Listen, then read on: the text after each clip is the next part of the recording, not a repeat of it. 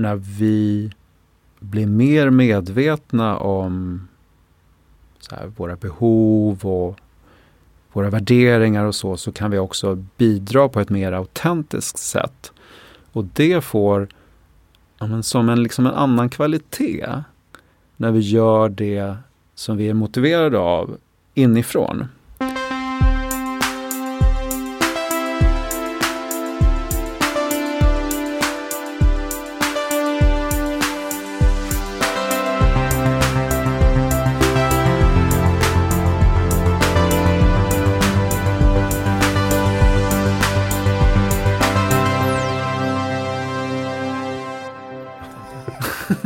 Det är säkert många tics. teorier. Bra, vi rullar vidare. Um, det här är Heja Framtiden, världens viktigaste podcast och jag heter Christian von Essen och uh, nu sitter vi här på GT30 i Stockholm med uh, Lasse Rycknell. Välkommen till Heja Framtiden. Mm, tack. Doktor i företagsekonomi och forskar på Handelshögskolan i Stockholm på institutionen för uh, företagande och ledning. Kommer vi fram till. Företagande och ledning, så är det.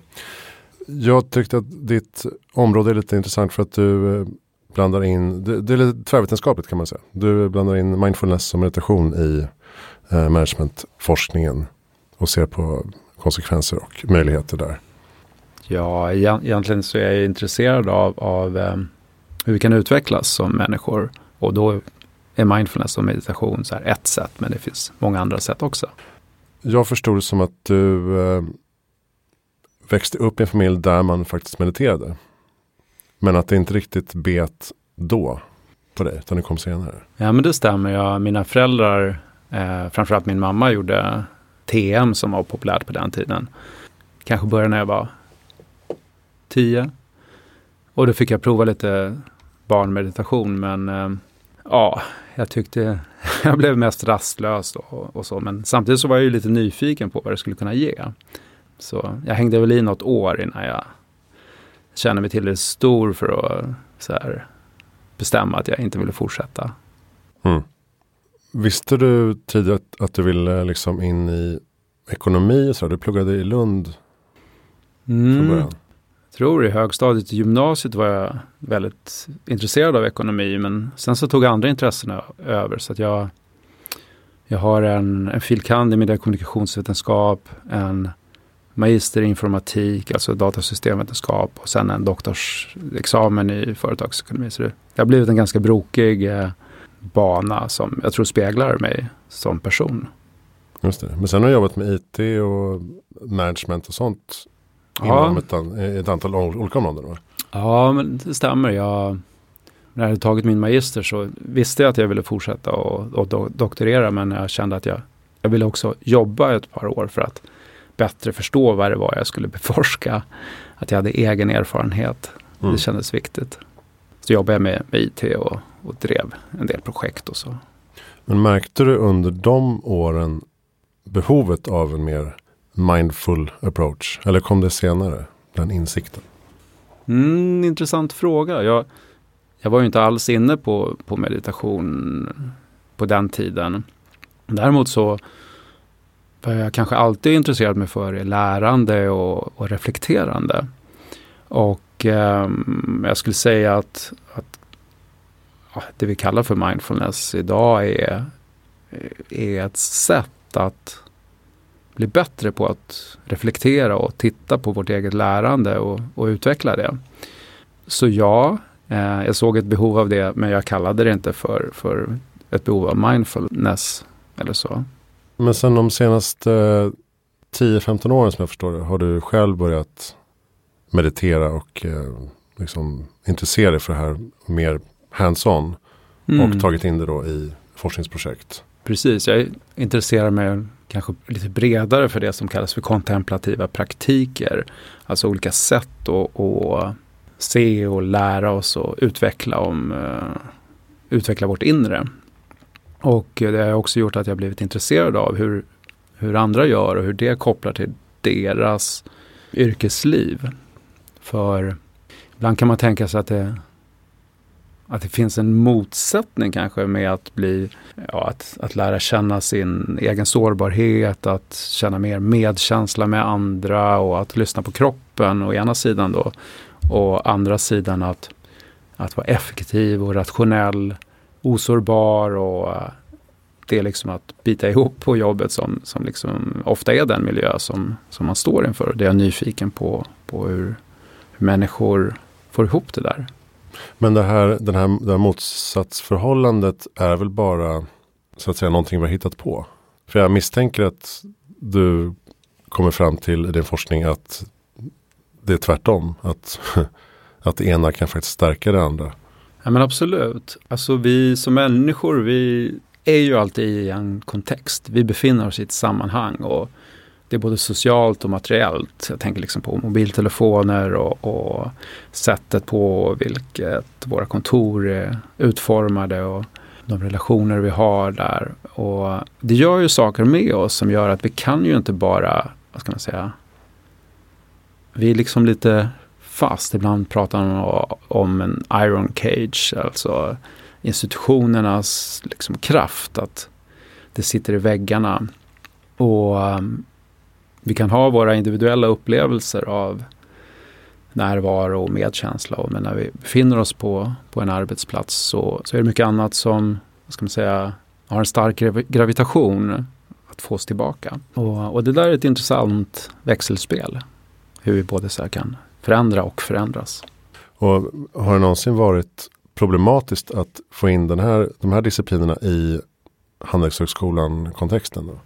Alltså, jag har aldrig försökt få in det i Handelshögskolan, kontexten eh, explicit. Men, men eh, jag skulle säga att det, det i allmänhet finns ett stort intresse för den här typen av frågor och eh, att vi tittar på de här perspektiven i undervisningen, till exempel i, i, i kurserna som vi har om globala utmaningar där det verkligen så behövs nya mindset, nya sätt att tänka på eh, de utmaningar vi står inför.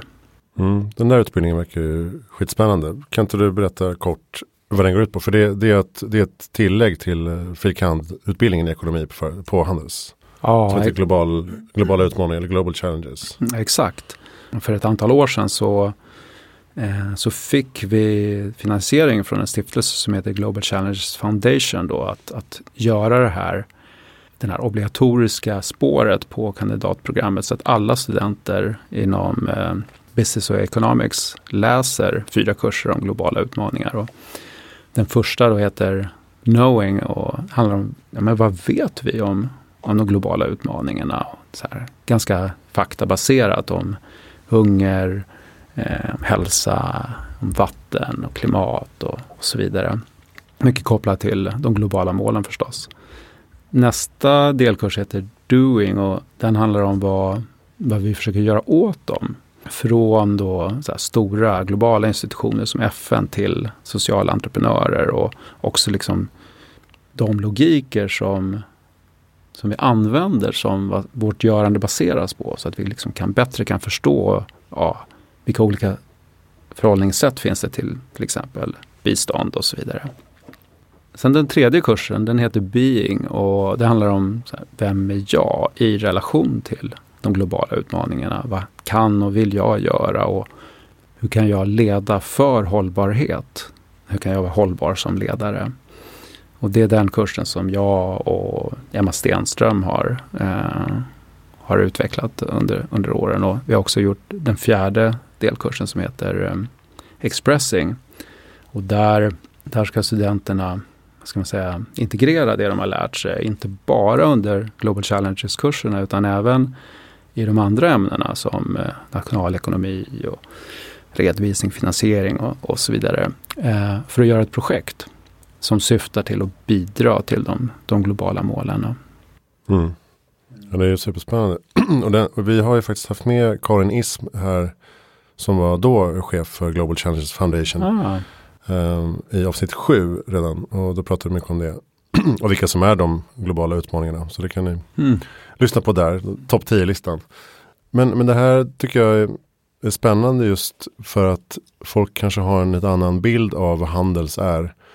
Och um, Nu har vi haft eh, Mikael Dahlén var i första avsnittet och eh, jag blev själv inbjuden till hållbarhetsdagarna där och höll en livepodd med eh, Pebs hållbarhetschef Maria Hernroth. Också sådär fullsatt i lokalen av som är jätteintresserade av hållbarhetsfrågor som går på mm. hands. Och det, det fick mig att liksom förstå att det, håller, det har förändrats ganska mycket på de senaste 20 åren. Och idag vill ju folk bli sociala entreprenörer och eh, liksom bidra till en bättre värld. Snarare än att bara jobba på McKinsey och eh, tjäna pengar.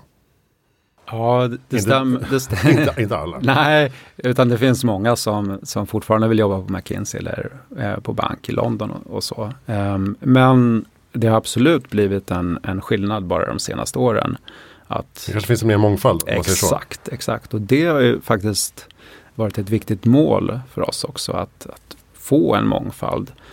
Dels för att alltså, möta de behov som, som finns idag. Och att utbilda studenter som vill göra skillnad för världen med ekonomi som verktyg. Det är det, lite därför jag blev intresserad av, av dig för att eh, just det här som du säger, being, att även gå in i sig själv och fråga sig vem jag är och vad mina värderingar är. Eh, inre kompass pratar man om och sådär.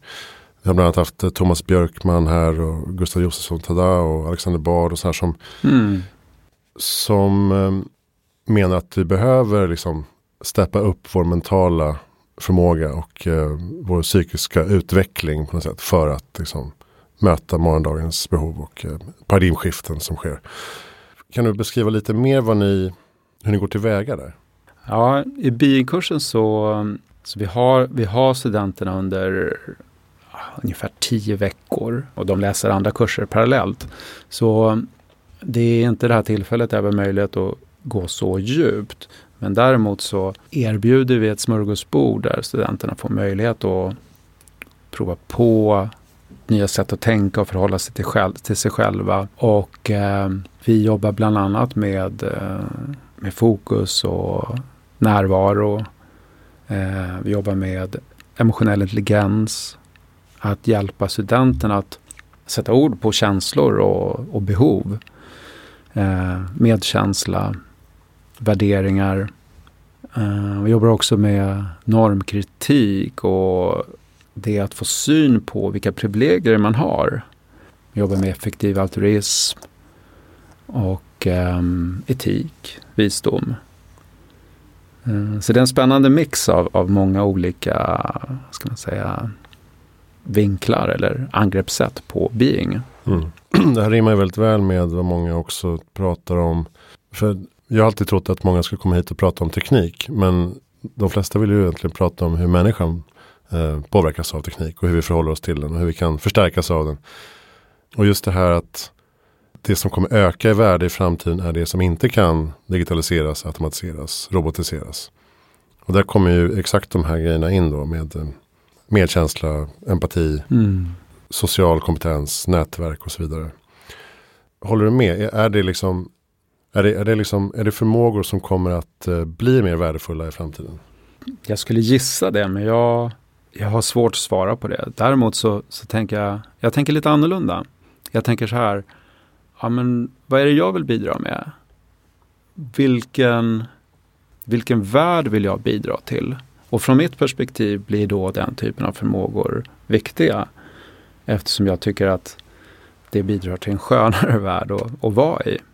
Ja, vissa menar till och med att gå in tidigare och erbjuda mental utveckling och nästan terapiformer i en bredare samhällskontext gör också att vi får ett säkrare och tryggare och behagligare samhälle. Mm.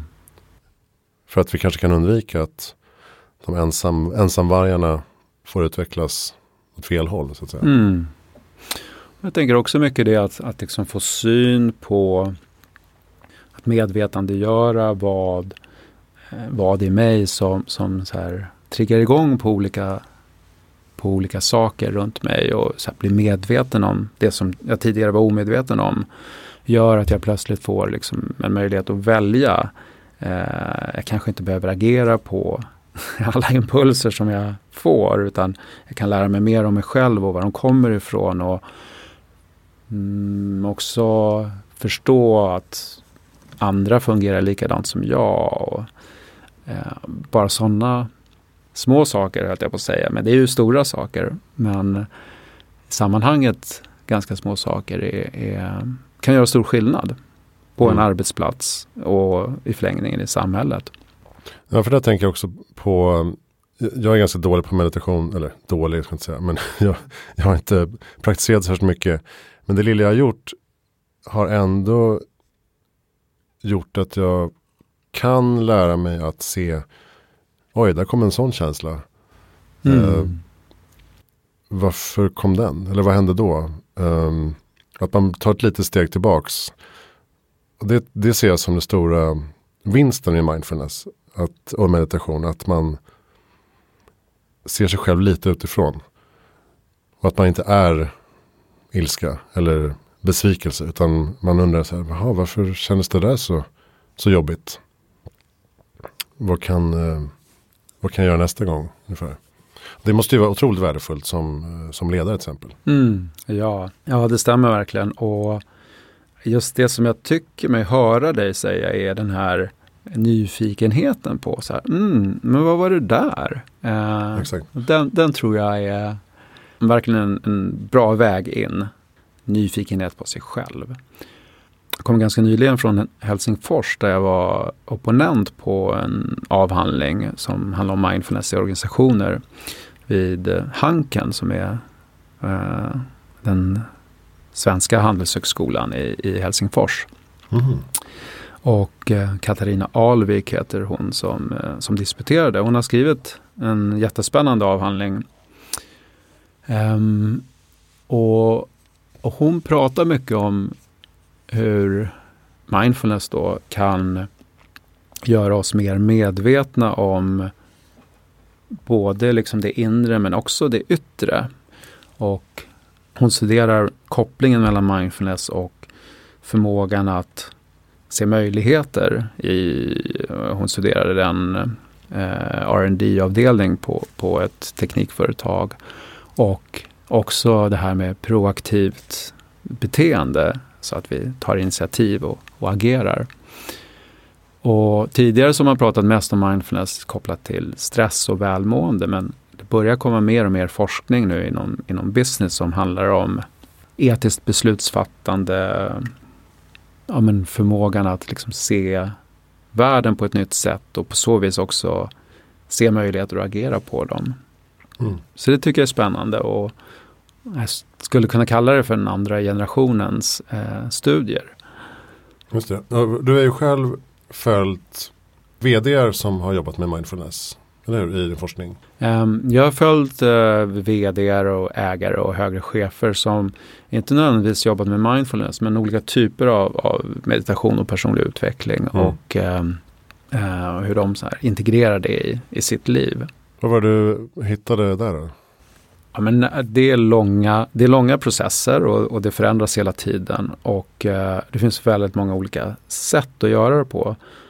Det beror väldigt mycket på hur en situation ser ut. Jag har, jag har följt ägare till familjeföretag som har väldigt stor frihet och, och kan, eh, kan designa jobbet så att, um, vad ska man säga, att, de, att de får en, en bättre tillvaro och ett mer harmoniskt liv.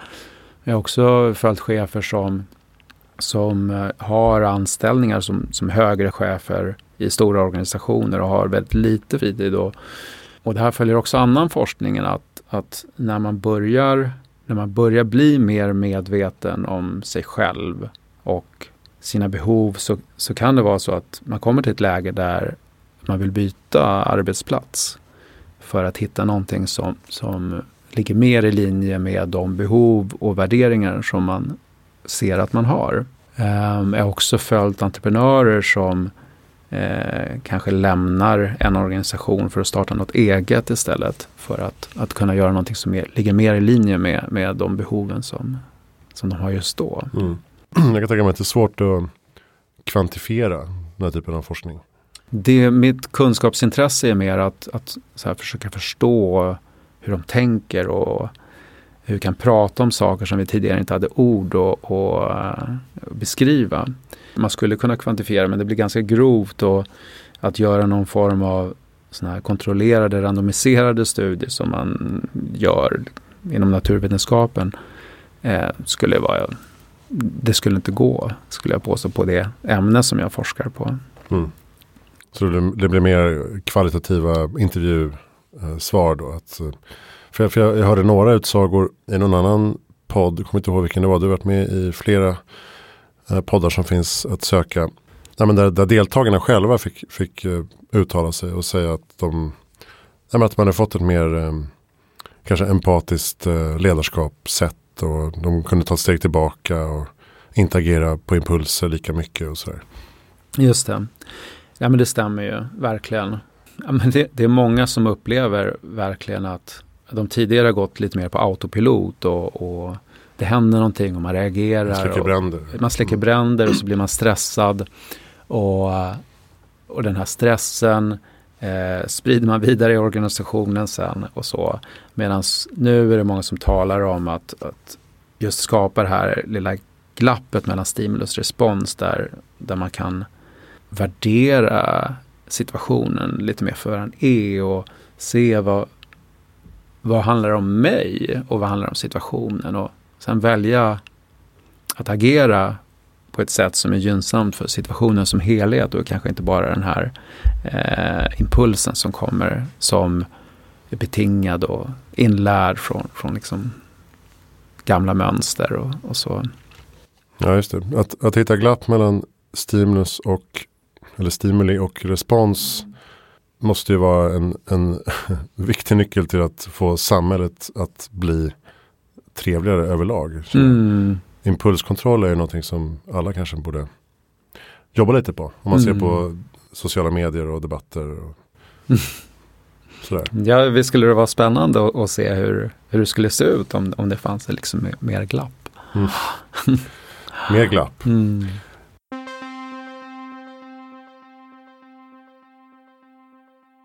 Vad tror du det beror på att vi ser så mycket um, utmattningssymptom uh, mm. i samhället? Har det ökat eller är det, det, är det bara nya namn och uh, nya sätt att upptäcka det? Mm.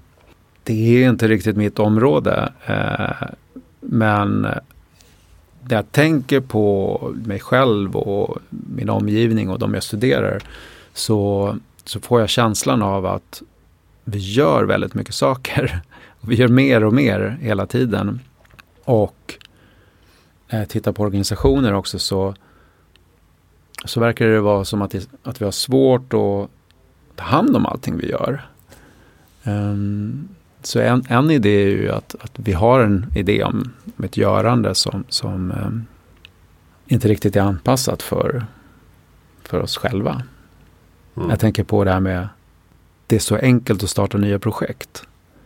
Och när många gör det i en organisation så, så sätter det väldigt mycket press. Och eh, det blir svårt att, ska man säga, både göra projekten med kvalitet och eh, alltså med en yttre kvalitet som handlar om projektens resultat.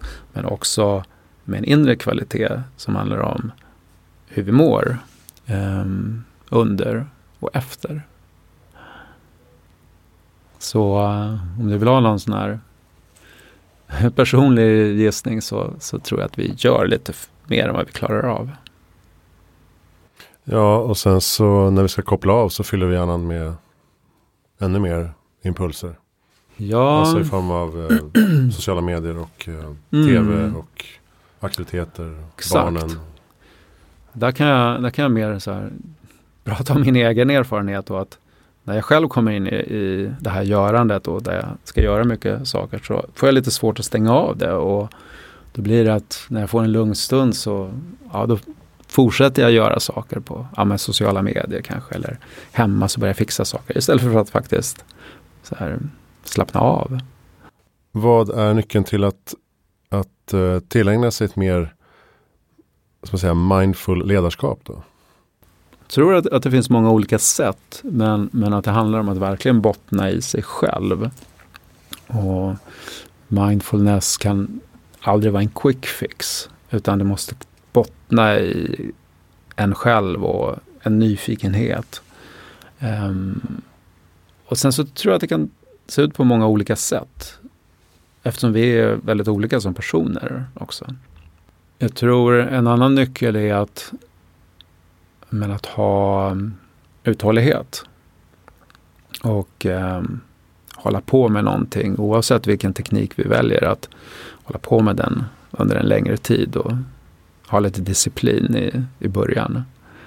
Och sen så kanske det kommer mer enkelt senare. Men just när det blir jobbigt så behöver vi hålla ut i början. Mm, jag kan ju själv känna att man tror att det ska hända någonting mm. direkt. Mm. Att man ska hamna i någon slags annat tillstånd. Mm. Men eh, det är ju inte riktigt så enkelt. Ja, men det är lite lurigt det där. För att om vi pratar om mindfulness nu till exempel så, så handlar det ju mycket om att, att släppa taget. Och när vi tänker oss att vi vill uppnå en, ett visst tillstånd så gör vi precis motsatsen till att släppa taget.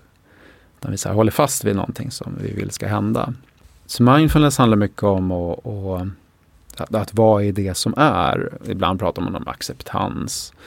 Och det brukar jag tänka på som, som motsatsen till att det ska vara på ett annat sätt. Så om man känner sig stressad så handlar det om att känna att man känner sig stressad. Mm. eh, istället för att så här längta efter att känna sig lugn. Om man låter eh, om man låter sig själv vara okej okay med att man är stressad så ökar chansen att lugnet infinner sig.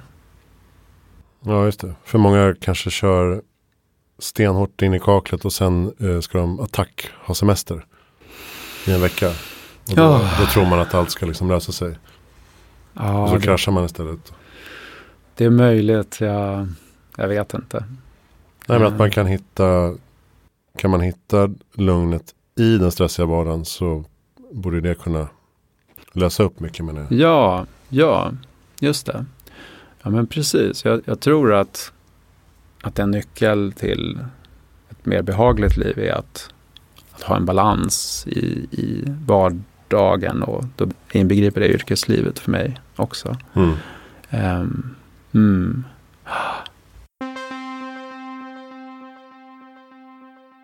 Finns det en svårighet att bibehålla liksom, Um, jag, jag, tänker att många kanske börjar och så upplever de att det är värdefullt och sen så i takt med att vardagen hopar sig så, så har man inte riktigt tid med mindfulness eller med mm. meditation. Mm. Upplever att folk tycker att det är svårt att härda ut och bibehålla och kämpa på. Ja, och det är det ju inte bara för folk som, som börjar utan det är det för, även för många, många som hållit på länge det kommer perioder när det är utmanande och jag själv halkar ur eh, då och då. Sen kommer jag tillbaka. Det är inte så att jag mediterar två timmar varje dag utan eh, det går upp och ner för mig. Och eh, jag känner jättemånga som har, har utmaningar. Och, mm. Hur ser din egen rutin ut då, kring detta? Men min rutin är väldigt blandad. Eh, just nu så så alternerar jag mellan att göra vipassana på morgonen eller yoga. Jag dansar mycket. Men sen så kan sådana saker som eh, att vara med, med eh, personer och vänner som, som är, vad ska man säga, som har mycket närvaro är ett sätt för mig att, att odla min närvaro också. Så de sammanhang som jag som jag söker mig till är, är viktigt. Uh, och där pratar man ofta om att försöka undvika energitjuvar. Och det är inte alltid så enkelt. men, um, men, men mm. att söka sig till personer som ger mm. en positiv energi. Mm. Jag tycker det är intressant det där med energitjuvar. För det händer någonting i mig märker jag när du, när du säger det. Um, därför att det synsättet bygger på att det är någon annan där ute som, som liksom snor min energi.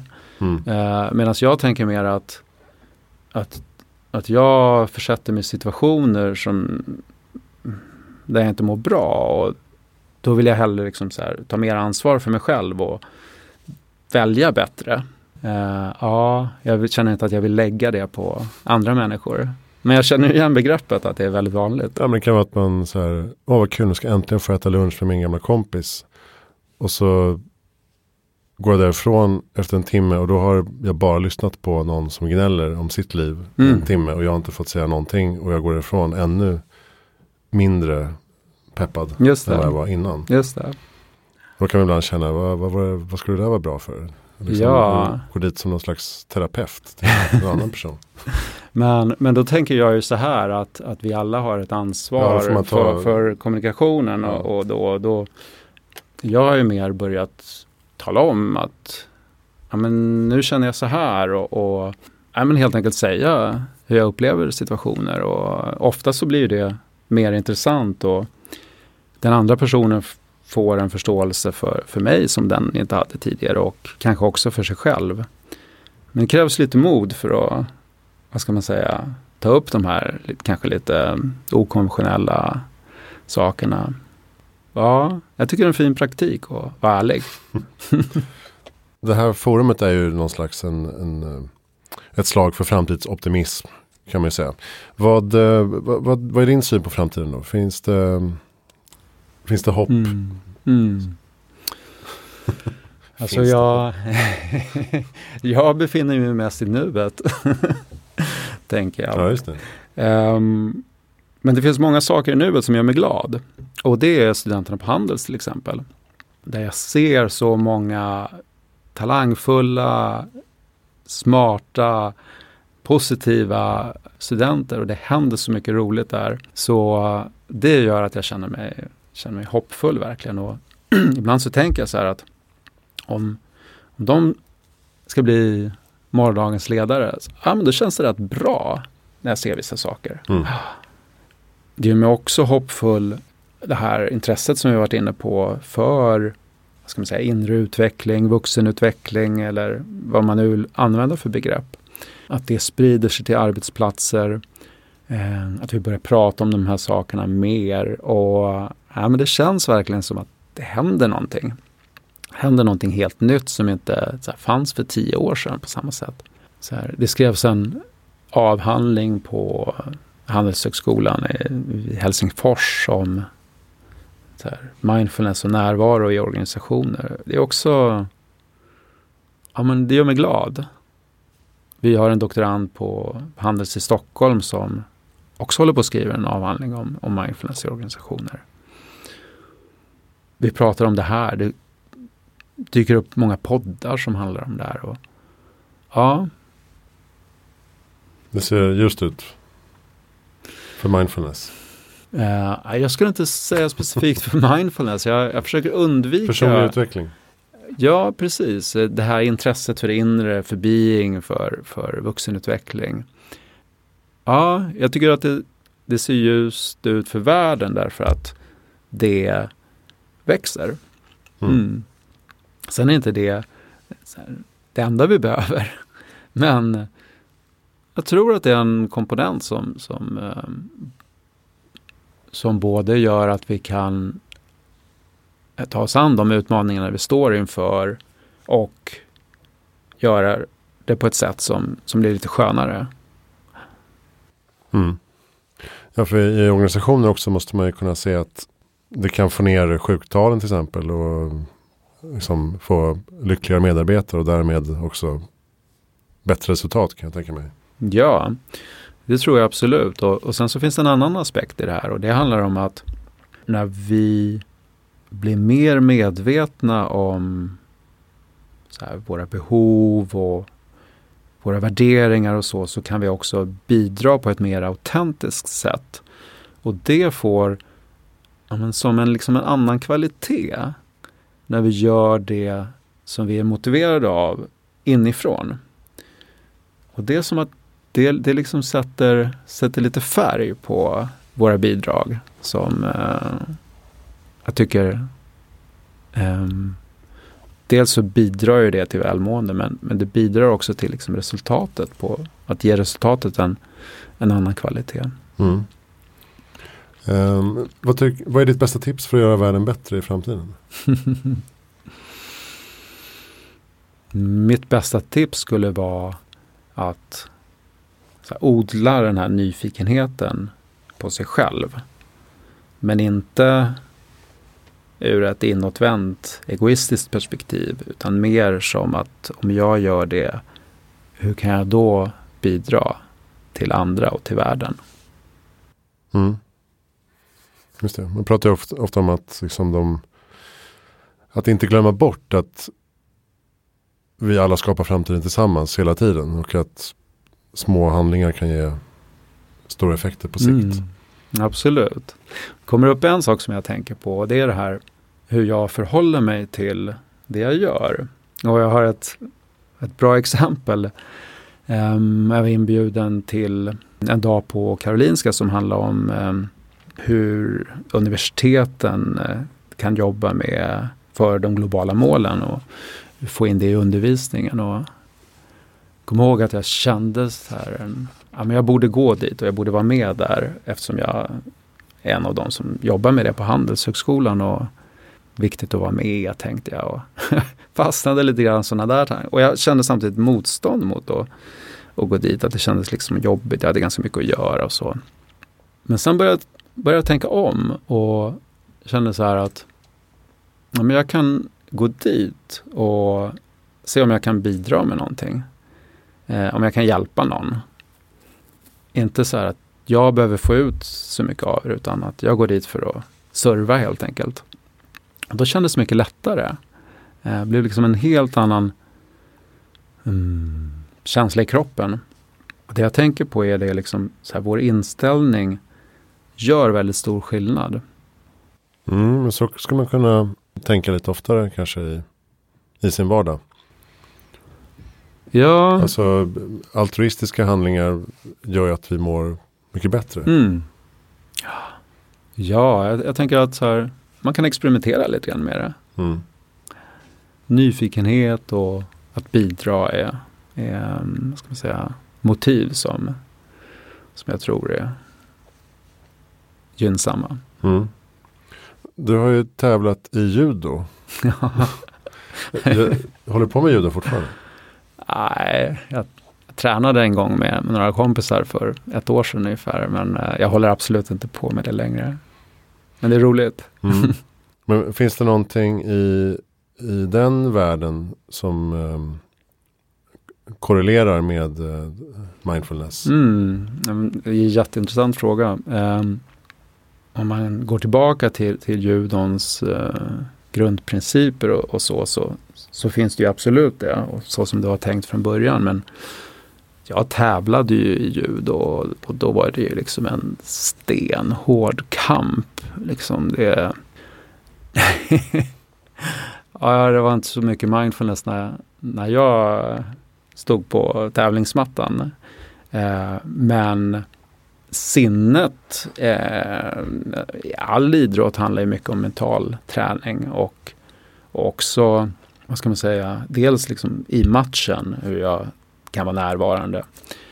Dels eh, hur jag förhåller mig till framgångar och motgångar och, och påverkas av det. Men på den tiden så, så ja, jag önskar att jag hade haft mer hjälp då eh, med det mentala. Mm. Just det, ja, men det är intressant, inte, inte bara för att alltså, så, målbild och sånt utan även kunna hantera känslor efteråt. Då. Ja, exakt. Och, och också det här att kanske inte, inte vara så rädd för att förlora. Mm. Eh, eller rädd för att vinna. Mm. Just det, för ofta, det har vi pratat om i andra sammanhang, men, men efter sådana typer av prestationer så kan det infinna sig en tomhetskänsla. Mm. Oavsett om man står på scen eller utövar idrott eller sådär. Där allting handlar om just den här minuten, den här prestationen. Och sen efteråt så har man inte så mycket verktyg att hantera det så att säga. Det som kommer sen. Det vill, det vill, säga inget. Vardag. Mm. Måndag. Um, där kan jag tänka mig också att mindfulness och meditation kan vara behjälpligt. Mm. I att uh, liksom navigera. Mm. Mm. Ja men absolut. Och jag tänker också så här att det, att det finns många olika former av mental träning som, som kan vara bra. Och när jag lyssnar på idrottare på, på tv så, så pratar de ju väldigt mycket om att ja, gå in och ha roligt och det finns väldigt lite fokus på resultatet i alla fall i de intervjuer som jag, som jag hör. Ja, det är en, det är en spännande aspekt. Mm. Har du något bra lästips för den som är intresserad av de här frågorna? Mm. Det som kommer upp spontant nu är en, en bok som jag läste för, för något år sedan som heter Why Buddhism is True. Jag undrar om den inte kommer på svenska nu. Jag tror att det är Robert Wright som har skrivit den. Han är professor i psykologi. Och, eh, och den handlar om då eh, mindfulness eller, eller meditation som han då tittar på ur ett perspektiv som kommer från eh, utvecklingspsykologi. Och det, det är lite unikt. Jag har, inte, jag har sett mycket om så här, neurovetenskap och psykologi. Men just det perspektivet är, är lite unikt. Det tycker jag var intressant. Mm. Why Buddhism is true. Mm, ska vi kolla upp. Vem tycker att jag ska intervjua i Heja Framtiden? Jag vet faktiskt inte riktigt. Nej. det kan väl vara okej att säga det också. Ja, det är inte alla som har en på rak arm. Nej. det, det är också ett svar. Alltså jag, jag, tänker, jag tänker så här, det är, det är många gånger jag inte vet. Uh, men ändå är det som att det finns någonting så här att man ska veta och så säger man bara någonting. Och jag vet inte. Jag tror att vi borde bli bättre på att säga jag vet inte. Mm. Mm, ja.